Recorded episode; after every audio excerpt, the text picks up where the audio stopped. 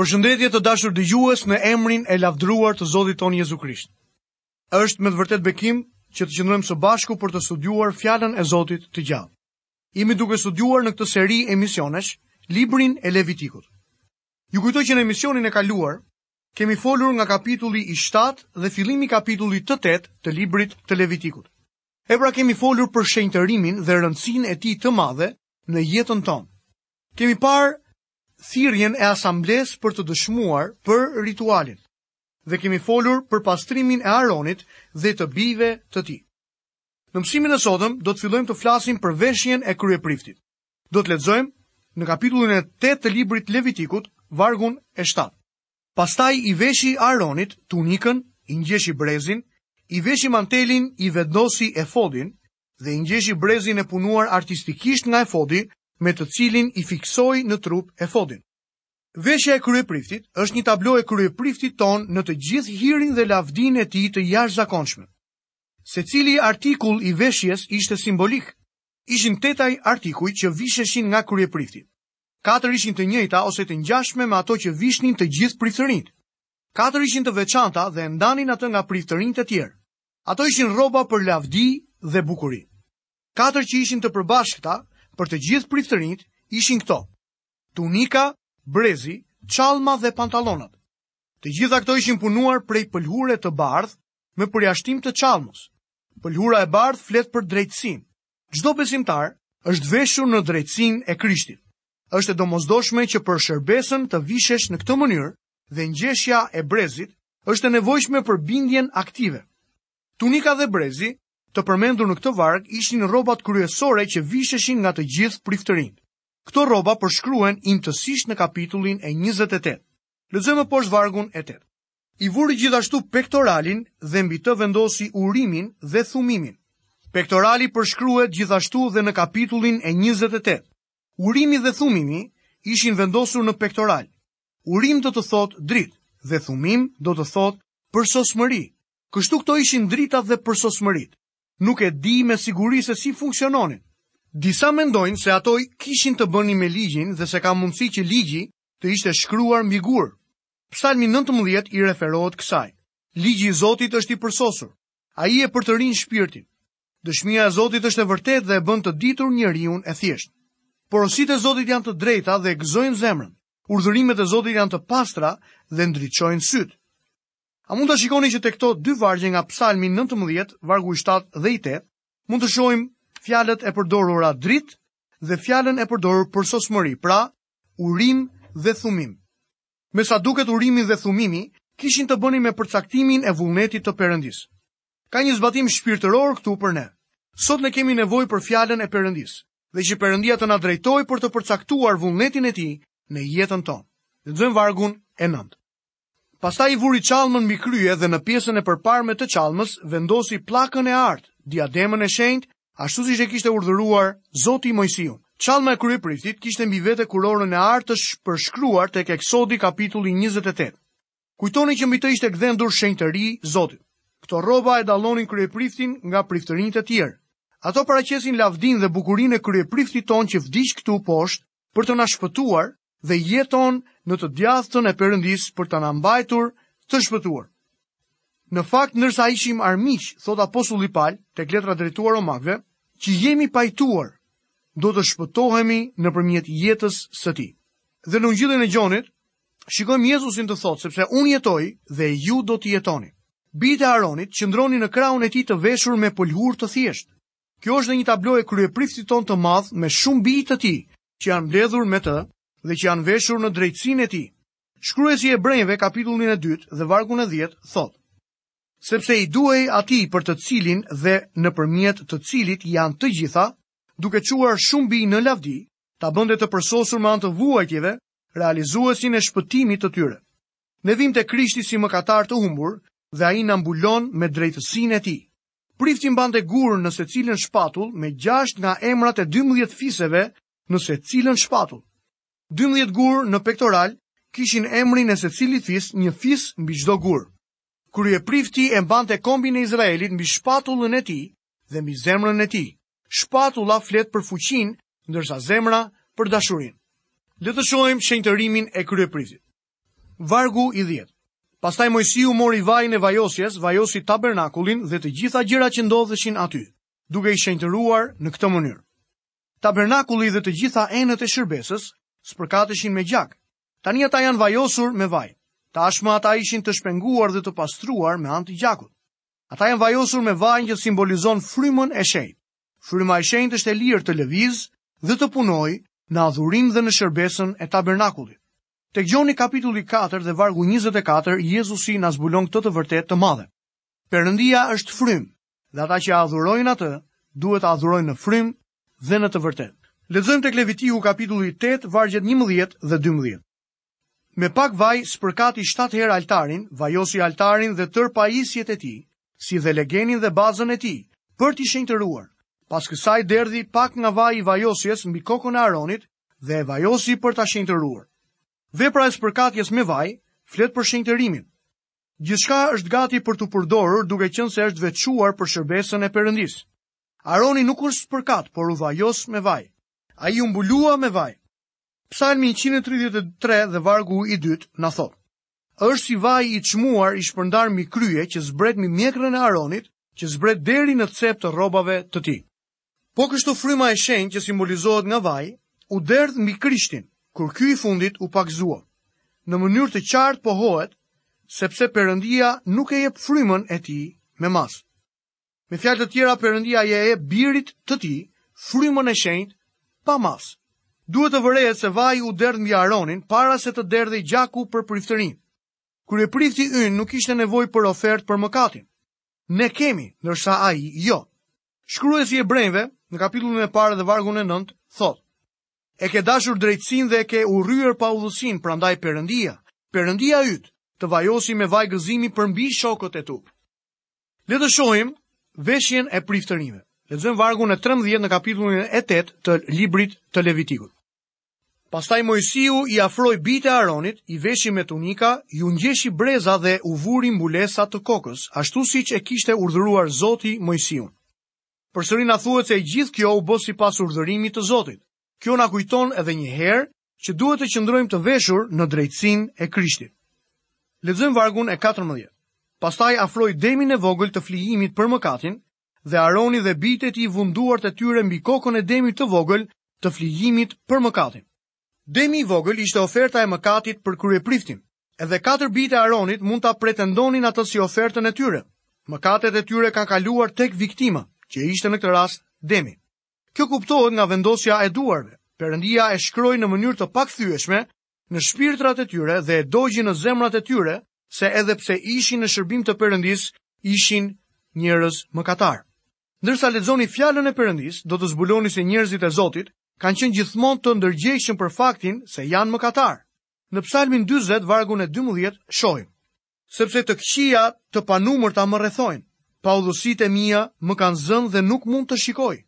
Janë më të shumta se flokët e kokës sime dhe zemra po më ligshtohet. Miku im, a e ndien se je ky lloj mëkatari? Nëse po, Perëndia mund të bëjë diçka me ty. Pastaj nëse nuk sëmuresh, aq sa të shkosh tek doktori nuk do të shkosh tek ai. Nëse nuk je i sigurt se je një mëkatar i vërtetë, nuk priresh të shkosh te Krishti. Psalmi 38 dhe vargu i 4 sërish na tregon. Paudhësitë e mia e kalojnë në fakt kokën time. Janë si një barrë e madhe, shumë e rëndë për mua. Miqtë e mi, nëse keni mbi vete një barrë që është shumë e rëndë për ju, kërkojini dikujt tjetër që t'jua mbajë. Është një person që thotë, Ejani tek unë ju të gjithë, o të munduar dhe të rënduar. Unë do t'ju jap çlodhje. Unë do t'i marr barrët tuaja. Dhe mos u përpiqni të talleni me Perëndinë. Perëndia di gjithçka për ju. Kështu që mund t'i thoni atij të gjithë historinë tuaj në lidhje me mëkatin tuaj. Lexojmë më poshtë nga vargjet 15 deri në vargun e 17. Pastaj Moisiu e theri, mori gjak prej tij E vuri me gisht mbi brirët e altarit, rreth e qark dhe e pastroi altarin. Pastaj derdhi gjakun në bazën e altarit dhe e shenjtëroi për të bërë mbi të shlyerjen. Pastaj mblodhi gjithë dhjamin që ishte mbi zorrët, bulën e majme të mëlçisë dhe të dy veshkat me dhjamin e tyre. Dhe Moisiu i tymosi mbi altar, por demin e vogël lëkurën e tij mishin dhe fëlliqësirat e tij i dogji me zjarr jashtë kampit, ashtu siç e kishte urdhëruar Zoti Moisiun. Ky ritual nuk ka kuptim derisa të kuptojmë mësimin shpirtëror që na jepet këtu. Ato ndjekin ritualin e flijimit për mëkatin, me përjashtim që gjaku vendoset mbi brirët e altarit të bronztë dhe jo mbi altarin e artë. Edhe altari që përdoret për flijimet me gjak duhet të dedikohet po me gjak. Kjo bëhet që të na kujtohet se në drurin e kryqit nuk ka asnjë meritë. Shumë njerëz sot mendojnë se ka meritë në vetë kryqin, Kryqi nuk ka asnjë meritë. Merita i takon atij që e derdhi gjakun e tij atje në kryq për ne. Edhe pse u bë mëkat për ne, Jezusi nuk u ndot nga mëkati, ai nuk u njollos me mëkatin. Ai u bë mëkat e megjithatë, ai u nda nga mëkatarët. Përsëri vërejmë se e gjithë kjo u bë sipas urdhërimit të Perëndisë. Lexojmë vargun tetëmbëdhjetë deri në vargun e njëzet e një. Pastaj paraqiti dashin e olokaustit dhe Aaroni dhe bijtë e tij vunë duart e tyre mbi kokën e dashit. Moisiu e theri dhe spërkati gjakun rreth e qark altarit. Pastaj e preu dashin në copa dhe Moisiu tymosi kokën, copat dhe dhjamin. Pastaj i lau zorrët dhe këmbët me ujë. Moisiu e tymosi tërë dashin mbi altar.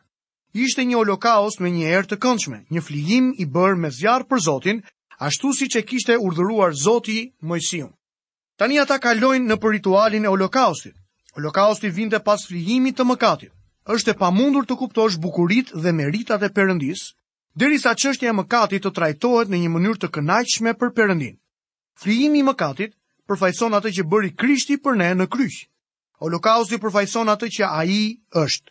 Ti nuk mund ta njohësh atë derisa të vish tek Ai që të të shpëtojë dhe ta pranosh si zëvendësuesin e mëkatit tënd. Ai pagoi dënimin për mëkatin tënd. Është shumë e rëndësishme që ta dimë këtë. Në të vërtetë bashkësia që ne kemi në Dhiatën e Re do të thotë të kesh pjesë në gjërat e Krishtit. Vetëm ata që janë besimtarë të blerë me gjak mund të kenë pjesë në gjërat e Zotit Jezu Krisht. Priftërinjtë duhej të hynin në vendin e shenjtë për të parë bukuritë e atij vendi. Pjesa e jashtme nuk ishte shumë e bukur. Po kështu, bota jobesimtare nuk e sheh bukurinë e Krishtit dhe e hedh poshtë atë. Por fëmija i Perëndisë, i rilindur sërish, ai që është i pastruar me anë të gjakut të Zotit Jezus, gjen bukuri dhe lavdi të reja në të çdo ditë. Lexojmë vargjet 22 deri në vargun e 24. Pastaj paraqiti dashin e dytë, dashin e shenjtërimit, dhe Aaroni dhe bijtë e tij vunë duart e tyre mbi kokën e dashit. Pastaj pra e theri mori pak nga gjaku i tij dhe e vuri në skajin e veshit të djathtë të Aaronit dhe mbi gishtin e madh të dorës së tij të djathtë dhe mbi gishtin e madh të këmbës së tij të djathtë. Pastaj Moisiu i afroi bijtë e Aaronit dhe vuri pak gjak në skajin e veshit të tyre të djathtë, mbi gishtin e madh të dorës së tyre të djathtë dhe mbi gishtin e madh të këmbës së tyre të djathtë. Dhe Mojsiu spërkati mbetjen e gjakut rreth e qark mbi altar. Dashi i shenjtërimit ishte në të vërtetë një ofertë shkeljeje. Nuk bëhej asnjë flijim falënderimi.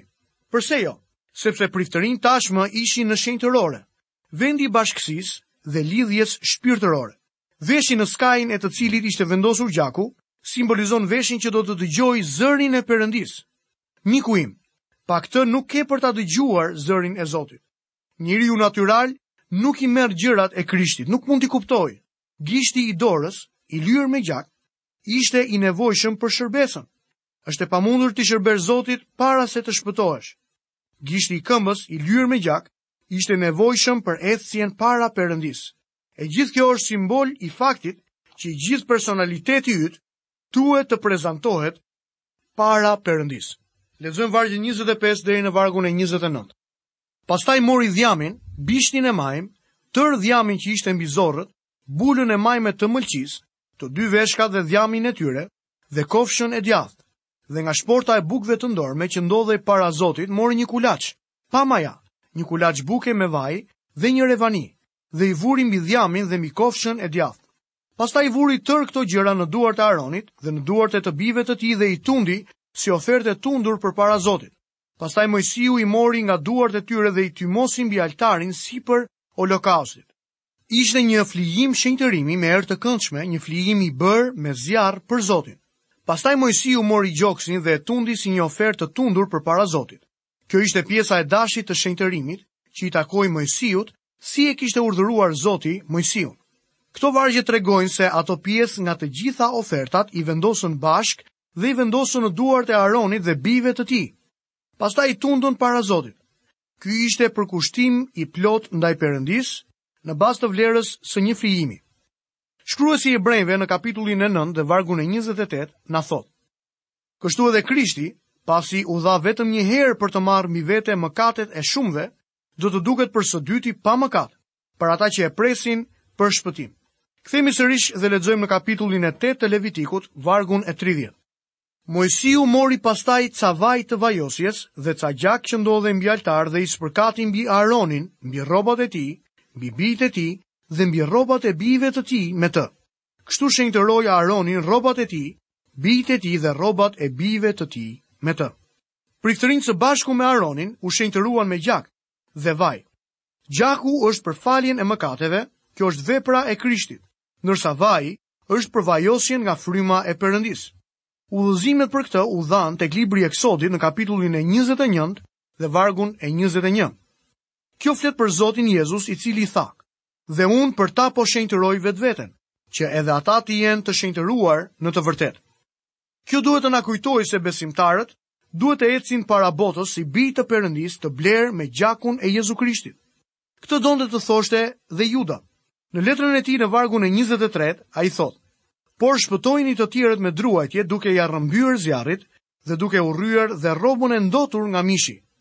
E shihni që mund të shkojmë përmes shërbesës së shenjtërimit dhe të bëjmë premtime shenjtërimi, por çështja në të vërtetë është se çfarë mendojnë të afërmit e tu për ty. Çfarë mendojnë shokët e shkollës për ty? A mendojnë njerëzit e tu, ata që punojnë me ty, se ti po i shërben Perëndisë? A mendojnë se je i shenjtëruar? Kam dëgjuar një gjë të mrekullueshme për një të krishterë. Një i pashpëtuar tha: Unë nuk di shumë për besimin e tij, por nëse do të besoj ndonjëherë, Dua të kem besimin e tij. Kam frikë se shpesh ajo që bota sheh tek një i krishterë nuk është vërtet tërheqëse. Jeta jonë duhet të jetë e tillë sa ta tërheqë njeriun e botës tek Zoti Jezu Krisht. Le të shohim më poshtë urdhërimet që iu dhanë Aaronit dhe bijve të tij. Lexojmë vargjet 31 dhe 32. Pastaj Mojsiu i tha Aaronit dhe bijve të tij: Piqeni mishin në hyrje të çadrës së mbledhjes dhe hajeni aty me bukën që është në shportën e shenjtërimit, siç kam urdhëruar, duke thënë, Aroni dhe bijtë e tij do të hanë, atë që tepron nga mishi dhe nga buka, do ta digjni me zjarr. Ju thashë në fillim të këtij seksioni se ai ngjan me listën e ushqimeve dhe po në këtë mënyrë mbaron ky seksion mbi shenjtërimin. Ata duhet ta hanë ushqimin që ka ngelur.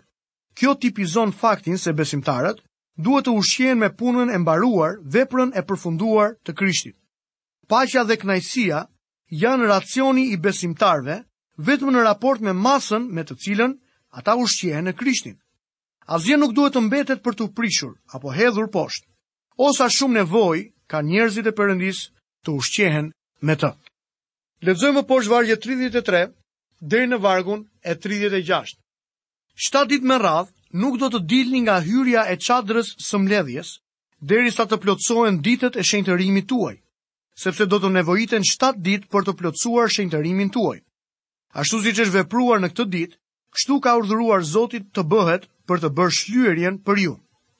Do të qëndroni pra shtatë ditë në hyrje të çadrës së mbledhjes, ditë e natë, dhe do të respektoni urdhërimin e Zotit që të mos vdisni, Sepse kështu më kishte qenë urdhëruar. Kështu Aroni dhe bijtë e tij bënë tërë ato gjëra që Zoti kishte urdhëruar me anë të Mojsiut. Ata do të kalonin 7 ditë në shenjtërim dhe meditim. Ata duhet të rrinin vazhdimisht me shërbimin në derën e tabernakullit. Kështu është edhe me kryepriftin tonë, i cili jeton përgjithmonë në jetë të jetëve për të ndërhyrë për të tijtë. Mund të zgjohesh në orën 2 të mëngjesit dhe Jezusi është pikërisht aty për ty. Mund të jesh në një vend të errët dhe të vështirë, por ai është pikërisht atje për ty. Ai është gjithmonë i gatshëm për të dëgjuar lutjet e të krishterëve. E gjitha kjo u bë me urdhrin e Perëndisë. Kjo gjë theksohet shpesh, ashtu siç përsëritet në secilin prej tre vargjeve të fundit të këtij kapitulli. Arsyeja për këtë do të qartësohet në kapitullin vijues. Të dashur dëgjues, këtu kemi mbërritur dhe në fundin e programit të sotëm. Dua t'ju kujtoj që në mësimin e sotëm kemi folur për veshjen e kryepriftit, më pas kemi përmendur shenjtërimin e kryepriftit dhe kemi parë se sa e rëndësishme ishte që kryeprifti të ishte me të vërtetë i shenjtëruar. Perëndia është frymë, tha Jezusi, Dhe ata që e adhurojnë atë, duhet ta adhurojnë në frymë dhe në të vërtetë. Të dashur miq, të gjithë neve kemi marrë të njëjtën shërbesë priftërore të Jezusit në jetën tonë. Të gjithë neve jemi thirrur nga Perëndia që të lutemi për familjet tona, fëmijët tanë, kishën tonë dhe komunitetin i cili na rrethon. Por unë dua t'ju kujtoj që Perëndia nuk mund të përdorë një instrument apo një vegël e cila është e papastër. Perëndia don që të të pastrojë ty, ai don që të të shenjtërojë ty. Perëndia mund të përdorë një vegël e cila gjithmonë do të jetë nder dhe lavdi për emrin e tij. Perëndia nuk kërkon që neve të jemi një keqprezantim i tij në botën në cilën jetojmë. Kështu pra le të kërkojmë me të vërtetë me një zemër të zjarrtë Perëndinë të vijmë me pendesë përpara tij çdo ditë dhe të sjellim ofertat dhe lutjet tona përpara Perëndisë. Të dashur dëgjues, këtu unë po e mbyll dhe emisionin e sotëm dhe ju kujtoj që bashkë do të dëgjohemi sërish në programin e ardhshëm.